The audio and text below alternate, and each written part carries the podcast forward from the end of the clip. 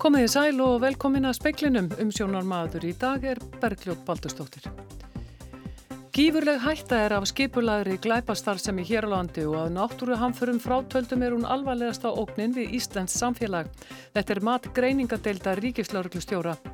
Finnar hafa unnið stríðið gegn falsfréttum sem gæti skipt sköpum fyrir vestrænt líðræði. Þetta er matmargra sem hafa kynnt sér aðgerðir þeirra gegn hættu sem fylgir því sem hefur verið kallað upplýsingaröskun. Einn helsti ráðgjafi og tengdasónur bandaríkjafósetta er komin til mið Östurlanda til að kanna grundvöldin fyrir áætlun fósettansum frið í heimslutanum. Tilstendur að leggja hana fram í sumar. Forsættisráð þeirra segir að erfitt verða að ná markmiði ríkustjórnarinnar um kólefnis hlutleysi nema með aðkomu atvinnulífsins. Hún bindur miklar vonir við nýtt samkómulag sem gert var í morgun. Gert er ráð fyrir að loft hitti verði yfir meðalægi á norður heimskautsvæðinu í sumar og minni hafís. Formaður miðflokksins vil fresta þriðja orkupakkanum til að fá úr því skorið hvort hann standist stjórnarskrá Norex. Síðaru umræða um orkupakkan stendur enn á alþingju og er hverkinar í lokið. Hætta vegna skipulagrar glæpastarfsemi á Íslandi er gífurlega mati greiningadeildar eh, ríkislauglustjóra. Staðan fer síðastnandi og telur greiningadeildin ljóst að hún hafi mikil áhrif á líf og helsu fólks og sé mjög skadaleg fyrir samfélagið og alla innviðið þess. Greiningadeildin segir að geta lauruglu til að takast á við skipulaða glæpastasimi sé mjög lítil. Forgangsraða þurfi innan lauruglunar og það komi niður á frumkvæðisvinnu við aðbrótavarnir. Geta eftirlitstofnana sér lítil og samstarf löguröklu þeirra takmarkað. Helstu brotaflokkarnir sem taldir eru ógna samfélaginu eru fíknefnasal og innflytningur, smigla fólki, mannsal og vændi, vinnumarkasafbrott, peningaþvætti, skatt, sveik og spilling og svo farand brotahópar. Í skýslinu kemur fram að hópar frá í það minsta sjö þjóðuríkjum starfi hér á landi auk innlendra.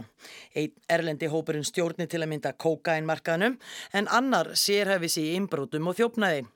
Þá kemur fram að vændi hafi aukist á síðustu þremur árum sem rekja megi til skipulaðra brotahópa sem um vinnumarkasafbrott, ímiskonar og vinnumannsal. Í skýslinu segir að umfangsmiklir íslenskir fíknefnasalar flytji inn mikið af sterkum verkeflifjum aðalega frá Spáni og selji hér á landi. Þá kemur fram að íslenskir afbrótahópar starfi oft með þeim erlendu og aðstóðu þá á ímsan hátt. Að náttúru hamförum frátöldum tilur greiningadeild ríkislauruglustjóra skipulaða glæpastarsemi alvarlegustu ógnvið samfélag og einstaklinga á Íslandi. Lára Ómarstóttir sæði frá. Jared Kushner, tengdasónur og einn helsti ráðgjafi Donald Trumps bandaríkjafósetta er komin til mið Östurlanda til að leita stuðnings við fyrirhugaða áætlun fósettans um frið í heimslutanum. Til stendur að hún verði kynnt á næstunni jafnvel í næsta mánuði. Með Jared Kushner í förur, Jason Greenblatt helsti sérfræðingur Donald Trumps í samningaviðræðum Erlendis og Brian Hook er eindreiki bandaríkjastjórnar í málefnum Írans. Leið þeirra leikur til Rabat, höfuðborgar Marokkós, Amman í Jórdaníu og Jérúsalim í Ísrael að fyrir AFP fréttastofan hefur eftir ónafn greindum heimildarmann í Kvítahúsinu. Donald Trump hefur um skeiðrættum áallun sína til að koma á fríði millir Ísraelsmanna og palestinumanna og kalla þannig tilbóð aldarinnar. Kúsner er sagður höfundur áallunarinnar. Greenblatt sem um langt skeið hefur veitt forsetanum lagfræði aðstóð er helsti aðstóðurmaður hans við útfærsluna. Búist er við að áallunin verði kynnt í sumar, jáfnvel strax í næsta mánuði. Fyrir ennarar Donald Trumps hafa lagt sitt lóð á vogarskálarnar til að koma á fríði millir Ísraels og Palestínu en án árangurs. Almennt er talið ólíklegt að núverendi fórsetta vegni betur. Palestínumenn hafa raunar hafnað áalluninni fyrirfram. Þeir hafa lítið viljað af Donald Trump vita frá því að hann viðurkendi Jérúsalem sem höfuborg Ísraels ríkis í desember 2017. Áskeir Tómásson saði frá. Vörukarfa Alþjóðu sambands Íslands hækkaði verði í áttaverslunum af tíu frá fyrstu viku novembermánadar til annarar viku mæ. Verð hækkaði mest í verslunum 10.11 en minnst í bónus og kjörbúðinni. Vörukarfan lækkaði á tímabilinu í samkaupum strax um 1,2% og um 0,6% í krambúðinni. Og árs verðbólka mældist 3,6% undan farin mánuð og á eftir að aukast enn frekar. Þetta kemur fram í Hagsjá landsbankans. Lækun á flugfargjöldum til útlanda um tæp 9% frá april til mæ hefur ekki dreyið úr verðbólkum milli mánada. Katrín Jakobsdóttir fósettisráð þeirra vonast til þess að með auknu samstarfi stjórnvalda og atvinnlífsins megi draga verulega úr losun gróðrús og lofttegunda hér á landi á næstu árum. Samkómurlag um nýjan samstarfsvettvang stjórnvalda og atvinnlífsins í lofslagsmálum var undirritað í ráðherrabústanum við Tjarnagötu í Reykjavík í morgun. Katrín segir að fyrst og fremst sé hort til tveggja markmiða með þessu samstarfi. Það er annars verið að horfa til þess uh, hvað við getum, höfum fram að færa hvert um heiminum þegar kemur á hugviti og grænum lausnum sem við höfum vissulega staðið okkur vel á mörgum sviðum í að þróa og vinna með hér á Íslandi og segja þá sögu. En hins vegar er það að stjórnvöld og aðtunli vinni saman að aðgerum til að ná okkar sameinlega markmiðum kólefnislutlust Ísland 2040 og það likur fyrir að því markmiði verður einmitt ekki ná nema með þáttöku aðtunlífsins þannig að ég fagna því að við séum svona á þessum stað í dag að vera formlega að hefja samstarf um það hvernig við getum hortið framtíðar í aðgjörum til að breyðast til loslagsbreytingu. Og þetta var Katrín Jakobsdóttir. Líklegt er að lofthitti á norður heimskautsvæðinu verði yfir meðalægi í sumar og því má gera ráð fyrir minni hafís. Þetta er meðal þess sem kemur fram í sameigilegri yfirlýsingu veðurstofa á norður heimskautsvæðinu. Þriðja samráðsfundi veðustofana laug nýlega en emt var til samstarfsins á vegum alþjóða veðufræðistofnunarinnar. Að því er framkemur á vef veðustofu Íslands. Samstarfsneti gefur meðal annars út yfirlitt um horfur í vetrar og sumarveðri á norður heimskuttsvæðinu. Líklegt er að loftitti verði yfir meðalægi á svæðinu í sumar og hafist þar af leðandi minni að því er framkemur í nýðustöðum frá fundinum. Þær eru meðal annars byggðar á útreikningum 13 spálíkana um veður næstu mánada. Spániðu stöður frá fundum veðustofana eru settar fram í þremur flokkum, híti verði velundi meðalagi, nærri meðalagi eða vel yfir meðalagi. Útreikningar fyrir sumar í ár sína að líklegt sé að híti verði vel yfir meðalagi. Einni kemur fram að sjór verði sennilega áfram kaldur söðvestan við Ísland, þá kann hafís að verða enn minni vegna hlýjenda á norður Ísafi. Helena Rós Sturldudóttir sagði frá. Stærðarinn að kval hefur rekið á land við eðskranda í Vestubæ Reykjavíkur. Sofja Hjördís Ólafstóttir sem var á gangi við fjöruna gekk fram á ræið eftir hádegi í dag og tók af því myndir sem sjáum á á rúf.is. Hún segir stæka lykt liggja yfir grandanum. Ræið hefur ekki verið rannsakað og því er ekki vitað hverjar tegundar það er en á myndum að dæma virðist að vera hrefna. Eins er ekki hægt að segja til um hvenar það rak á land en ástandið á ræinu virðist gott og því má ætla að kvalurinn sé tiltölulega ný strandaður og ólöglegar veiðar á fílum í Afríku hafa dreyjist mikið saman frá því sem mest var árið 2011. Helsta ástæðin er talin vera minni eftirspurn eftir fílabeini í Kína og aðgerðir stjórnvalda í Afríkuríkjum gegn veiðunum samkvæmt nýri rannsókn. Vandamáli er þó ekki úr sögunni segja sérfræðingar en er mikil ásókn í fílabein víðum heim og dýrin enni hættu. Samkvæmt rannsókninni hafa þrýr þættir, augminkandi eftirspurnar í Kína, engum áhrif á sölu á fílabeini, það er spilling, fátætt í þorpum í nákrenni fílahjarða og hver öflug löggjæsla og eftirlit er á náttúruvendasvæðum. Og aðeins um orkupakkan þriðja í lokinn síðar umræða um þriðja orkupakkan stendur enn á alltingi og hefur staðið samfleitt síðan klukkan 11 í morgun. Henn er hverginær í loki sem undur Davíð Gunnljósson formaða miðflokksinn segir að ef afgreðslu þriðja orkupakkans verði fresta til haustins þá væri jáfnvel komin upp vind af fjórða orkupakkanum sem eigi að vera komin til ríkistjórnar Norex til innleðingar. Og ef það erði gert, þá væri við til að mynda kannski komið með niðurstöðu frá norska stjórnlegaðnámsdólum um hvort ork, þriði orkupakkin standist stjórnarskra Noregs og það hefði þýðingu fyrir okkur. En við varum líka komið með vonandi einhverja mynda af fjórða orkupakkanum sem að mér skilist að sé komin til ríkistjórnar Noregs til innleðingar. En á meðan þetta er ekki leist, telur þú að umræða standi þá áfram og jafnvel út vikuna? Já, hún mun standa einhvað áfram, við munum halda áfram að reyna þá svör en um leið halda áfram að reyna að krifja hlutina sjálf á meðan að söðurinn berast ekki.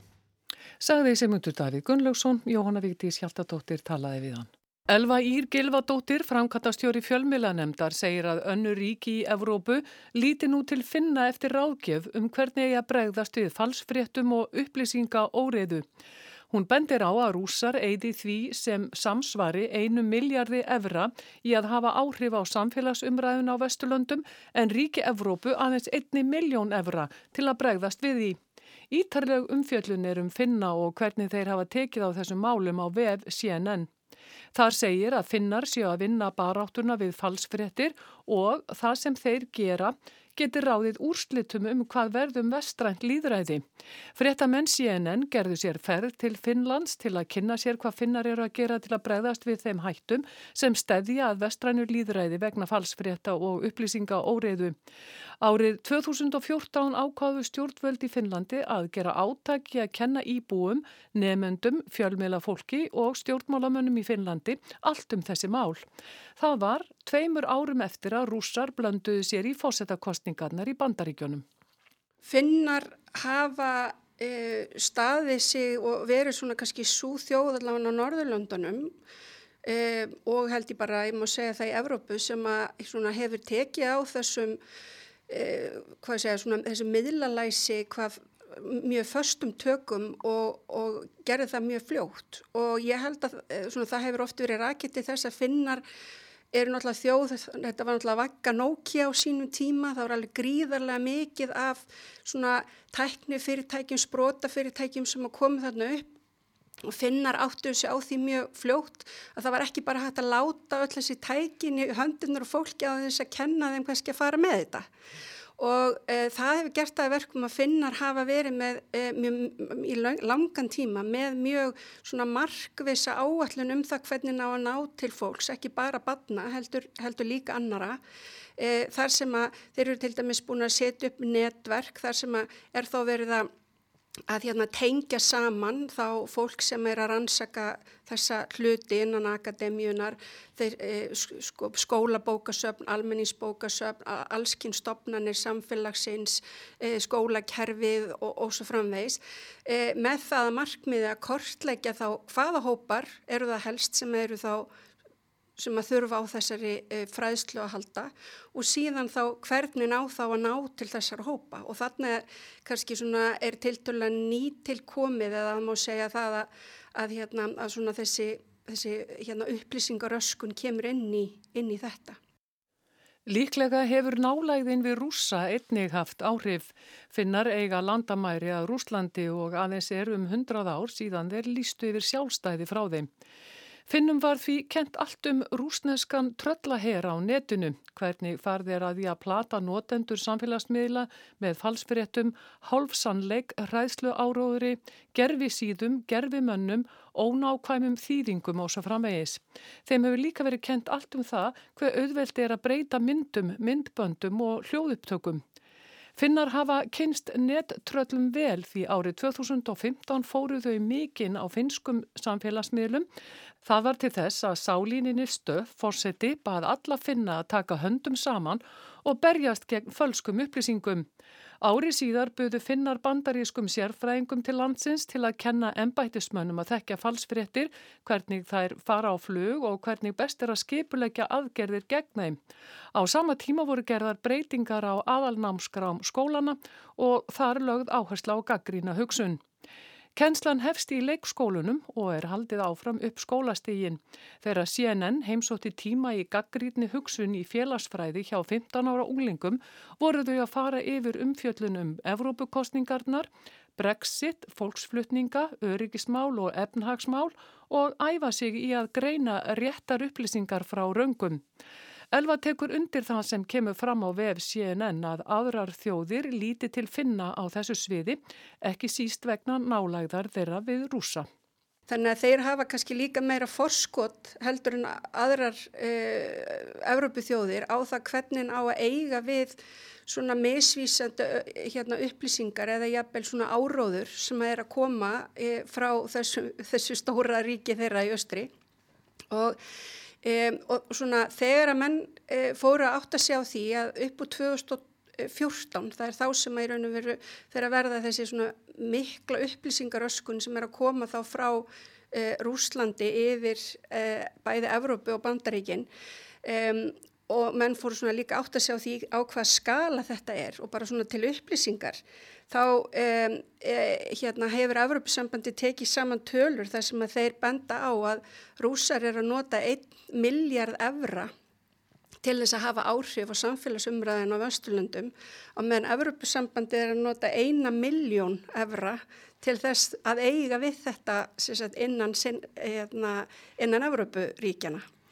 Og það sem að e, þeir hafa gert finnar hvað þetta varðar er það að þeir hafa verið, er, farið í mjög mikla fræðslu bæði fyrir stjórnmálamenn, fólk sem er að vinna í stjórnsíslunni, e, hérna, almenning og svo framvegs til þess að, að svona bara sína fólki hvernig misvísandi og rángar upplýsingar dreifast, eh, hérna, hvernig er hægt að, að, að finna út úr því hvort að þetta eru rángar upplýsingar og, og síðan líka að kenna fólki um skaðsemi e, slíkra upplýsingar vegna þess að eitt af því sem að þeir hafa notað sem viðmið um það hvort að þessar raungum misvinsandi upplýsingar er að hafa neikvæð áhrif á samfélagið er meðal annars að skoða hvort að það sé e, hvort að, að, að almenningur e, fari að hafa minni e, tröst á stopnunum samfélagsins og uh, hérna og til dæmis þinginu, domstólum og svo framvegs. Og þetta var Elva Ír Gilvadóttir. Engar formlegar viðræður hafa verið bóðaðar á milli færeiskra og íslenskara stjórnvalda um hvað tekur við í samskiptum ríkjana ef hóivíkur samningurinn fellur úr gildi um næstu áramót. Davíð Ottsson, þáverandi fórsættistur á þeirra og Jóhannes Ædeskort, þáverandi lögmaður færeja, undirrituðu samningin árið 2005 en færeingar sögðunum upp í lok síðasta ás. Miklar vonir voru bunnar við að Hávíkusamningurinn leiti til nánari tengsla færiðinga og Íslandinga og hefur það gengið eftir á morgum sviðum. Samningurinn er meðal annars um vöru og þjónustu viðskipti, búseturétt og fulla fríveslun með landbúnaða vörur. Þá nær hann til fjárfestinga og fjármaksflutninga. Samningurinn er sambærilegur við EES-samningin nema enn viðtækari. Samningurinn er kentur við bæinn Hauvík í Færium þar sem að skrifað var undir hann í ágústlokk árið 2005. Ástæða þess að færiingasöðu samningnum upp var að hann samrýmist ekki nýjum fiskviðilögum þeirra. Í þeim er bannlagt við erlendri eignaræðild í sjávarútvegsfyrirtækjum og erlendum fjárfestum í færiskum sjávarútvegi eru gefinn fimm ár til að selja hlut sinn. Það var engum þjóðveldisflokkurinn sem barðist fyrir setningu nýju lagana og tilgangurinn var að tryggja eignarhald færiðingar sjálfra yfir mikilvægu stöðulind landsmanna. Magni Argeð þingmaður þjóðveldisins á danska þinginu sagði í viðtali við Rúf fyrir á þessu ári. Þetta er okn okkar að hætti það sem við verum að byggja upp. Þetta er grundfægi sem færiðska sjóðun stendur á og vegna þess viljum við að þetta skal vera okn færiðska fólksins. Samkvæmt Hauvíkursamningnum var Íslendingum heimilt að eiga alltaf þriðjungi færiskum útgerðum. Ekki náðist að semja um breytingar á samningnum og töldu færingar uppsögn óhjákvæmilega svo fjárfestingabannið gæti tekið gildi gafkvært Íslandi. Ekki er gert ráð fyrir neins konar bótum ef erlendu einundunir fá ekki viðunandi verð fyrir hlutsinn. Telja sumir að þetta ákvæði sé brot á bæði stjórnarskrá og mannréttinda ákvæðum. Það eru aðeins tvö erlend fyrirtæki sem eiga umtalsverðan hlut í færiskum sjáurútvegi, annað er hollenskt en hitt er íslenska sjáurútvegsfyrirtæki Samherji sem á 30% hlut í framherja í færium. Engar formlega viðræður hafi verið bóðar um nýjan fríverslunarsamning og verða líklega ekki fyrir neftir kostningar í færium í ágúst. Gísli Gíslason var að forma færisk íslenska viðskiptarásins leggur mikla áherslu á að lust finnist. Já, þetta eru vonbreiði að þessi viðtæki samningu sem var gerður á sínum tíma og hefur rauninni verið hagstæður báðum aðlum og ekki síst færiðingum. Það eru mikil vonbreiði að uh, þeir þröskuldar sem var meiningin að fjarlægi að þeir séu þá leiðin upp aftur. Hagsmuninir eru miklu meiri fyrir uh, Íslendinga og færiðinga að standa saman um frjálsviðskipti í Norðurhöfum og um, en það er vonandi að í politíkinni að þá takist mönnum að snúa aftur vörn í sókn. Hver er staða málsins núna? Já, í rauninni staða núna svo að færingar hafa sagt samningnum upp, þeir hafa nú að vísu talað um það í daldinn tíma, það séu aðrið sem þurfi lagfæringa við að þeirra mati, en um, Það er stort skref síðan að, að uh, samþykja uppsögn á samninginu sem þýðir að hann fellur úr gildi þá um næstum áramót. Og uh, þeir hafa þegar samþykt þingsálutunum það þó að lagabreitingarna séu ekki komnar í gegn? Já, uh, þeir vantarlega þurfa að fella gildin formlega úr gildi með lögum en það er kannski það sem er skortir upp á að menn átti sig á hvaða afleggingar það hefur í rauninni í samskiptum landana. Ísland og Færiðar hafa auðvitað haft alveg sérstakt vinaband um áratug á hundruð ára skeið og samningurinn, Hauvíkusamningurinn var ymmit til að bæði staðfesta það og, og, og auka í rauninni samkend á milli landana og viðskipti. Þannig að eh, okkur líst ítla á þessa vekkferð og það er mikilvægt að snúa af henni. Hver eru þá næstu skref þeirra sem að vilja viðhalda þessum samningi? Já, næstu skrefin eru auðvitað hálfu íslenskra stjórnvalda sem hafa reynda lagt sig fram um það að, að finna lausnir en nú herðir á að menn finni lausnir áður en að, að um, samningurum verður feldur og gildi með lögum í færium. E, það flækir vissulega stöðuna að kostningar skuli vera núna með, á haustugum í færium sem að svona tefur kannski hluti en, en það er þó tími enn til stefnu.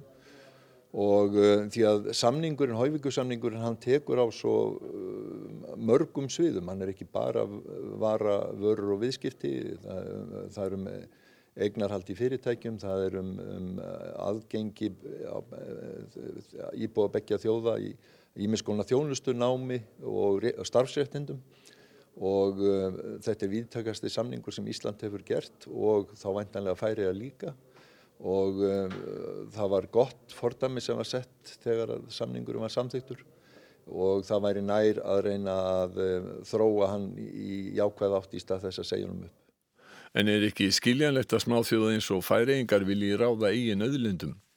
Já, það er auðvitað þekkjum við þá lögjöf líka á Íslandu um egnarhald í útgerðarfyrirtækjum en við skulum horfa til þess líka að að í, í þeim breytingum sem er að verða í kringum okkur, hvort sem það er í Evrópusambandinu eða Brexit, að þá eru auðvitað gríðarlega mikilvægt að við stöndum saman í Norðurhöfum, Ísland, Grænland og Færiar um það hvernig við ætlum að nýta auðlendinnar. Það getur auðvitað verið gert á grundvelli e, lögjafar í hverju landi en það skiptir auðvitað mestu að við mætum saminuð til leiks í samningum við e, stærri aðila.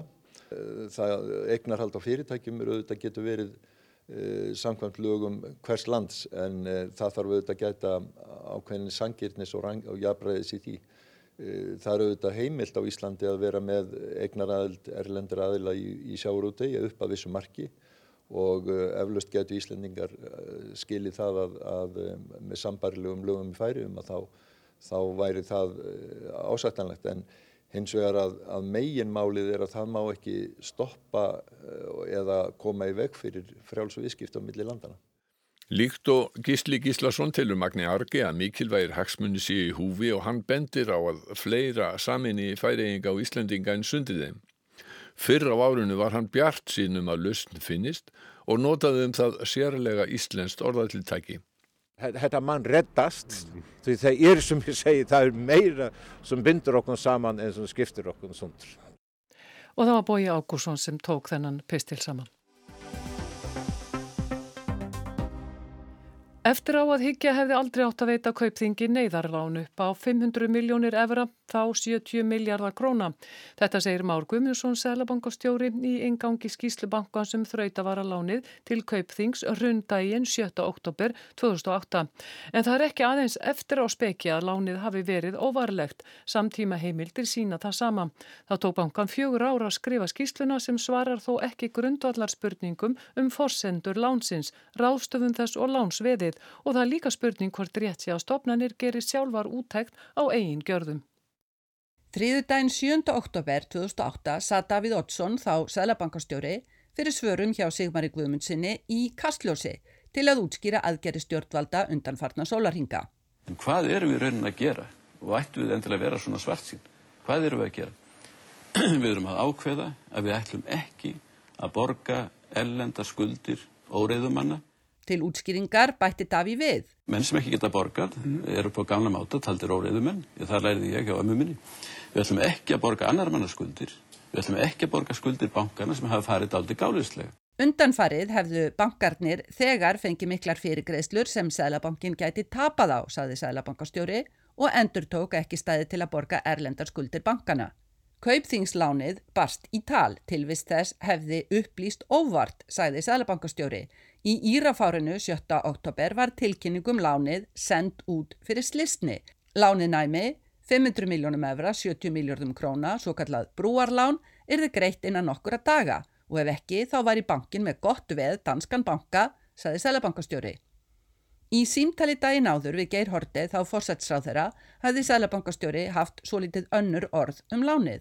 Lánveitingin væri áhættusum, digði kaupþingi í einhverja fjóra-fimm daga, saði Sælabankastjóri og í viðbót, ég býst við því að við fáum ekki þessa peninga tilbaka þegar segja þeir muni borg okkur eftir fjóra-fimm daga en ég held að það séu ósanindi eða við skulum segja óskykja. Aðfara nótt 7. oktober 2008 fundaði fórsætsráþera og fleiri ráþerar með starfsmönnum J.P. Morgan bankans sem voru á Íslandi á vegum Sælabankans. Þarna varð ráðherranum loks ljóst að kerfið sem þandist út með galgópahætti útrásarmanna eins og Sælabankastjóri sæði í kastljósi var að hrunni komið. Erlendu bankamennir kannast ekki við að hafa nefnt að bjargamætti kaupþingi. Síðdeis 7. oktober var því komið að neyðarúræðinu, neyðarlögunum. Ekkert gatt nú bjargað bunkunum þremur.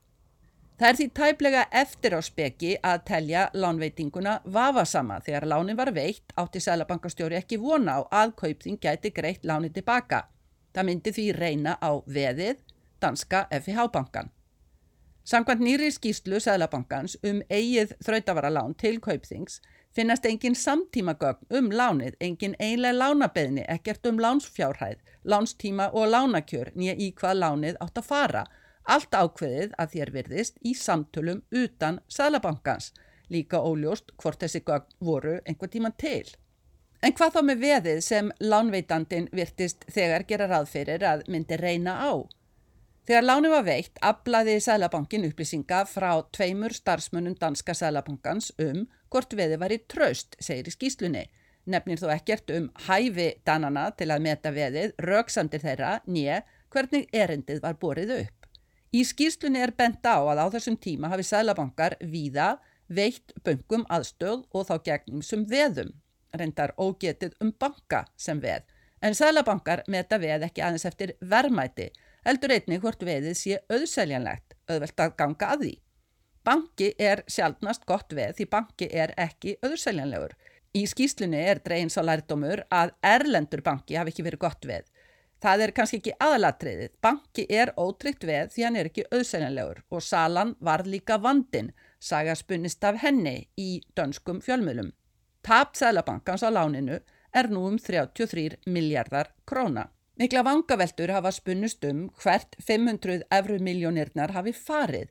Skíslan regur fyrir vittnesku en bætir við að samtals 114 miljónir efra ríflega 15 lánsins hafi farið í 400 til 500 greiðslum lægri en 10 miljónir efra hver.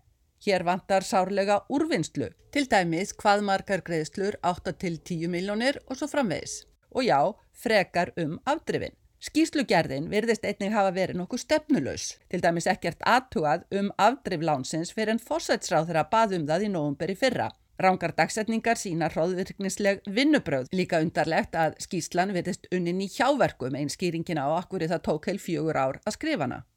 Það hafi verið gerðar ímsar vandaðar íslenska rannsóknarskíslu nú síðar skíslan um kaupin á búnaðarbankanum. Skísla Sælabankans skilur eftir spurningar, þá líka hvort vitulegt sé að láta stopnun skrifa skíslu um eigin gerðir.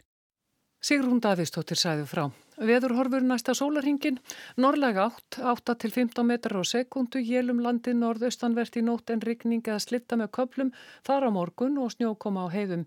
Yfirleitt léttskiða sunnan og vestanlands. Híti kringu frostmark á landin í nótt en á morgun frá einu stígi í innsveitum norðaustanlands og upp í 12 stíg á suðvesturlandi. Það er ekki fleira í speklinum. Tæknimaður var Jón Þór Helgason. Verði sæl.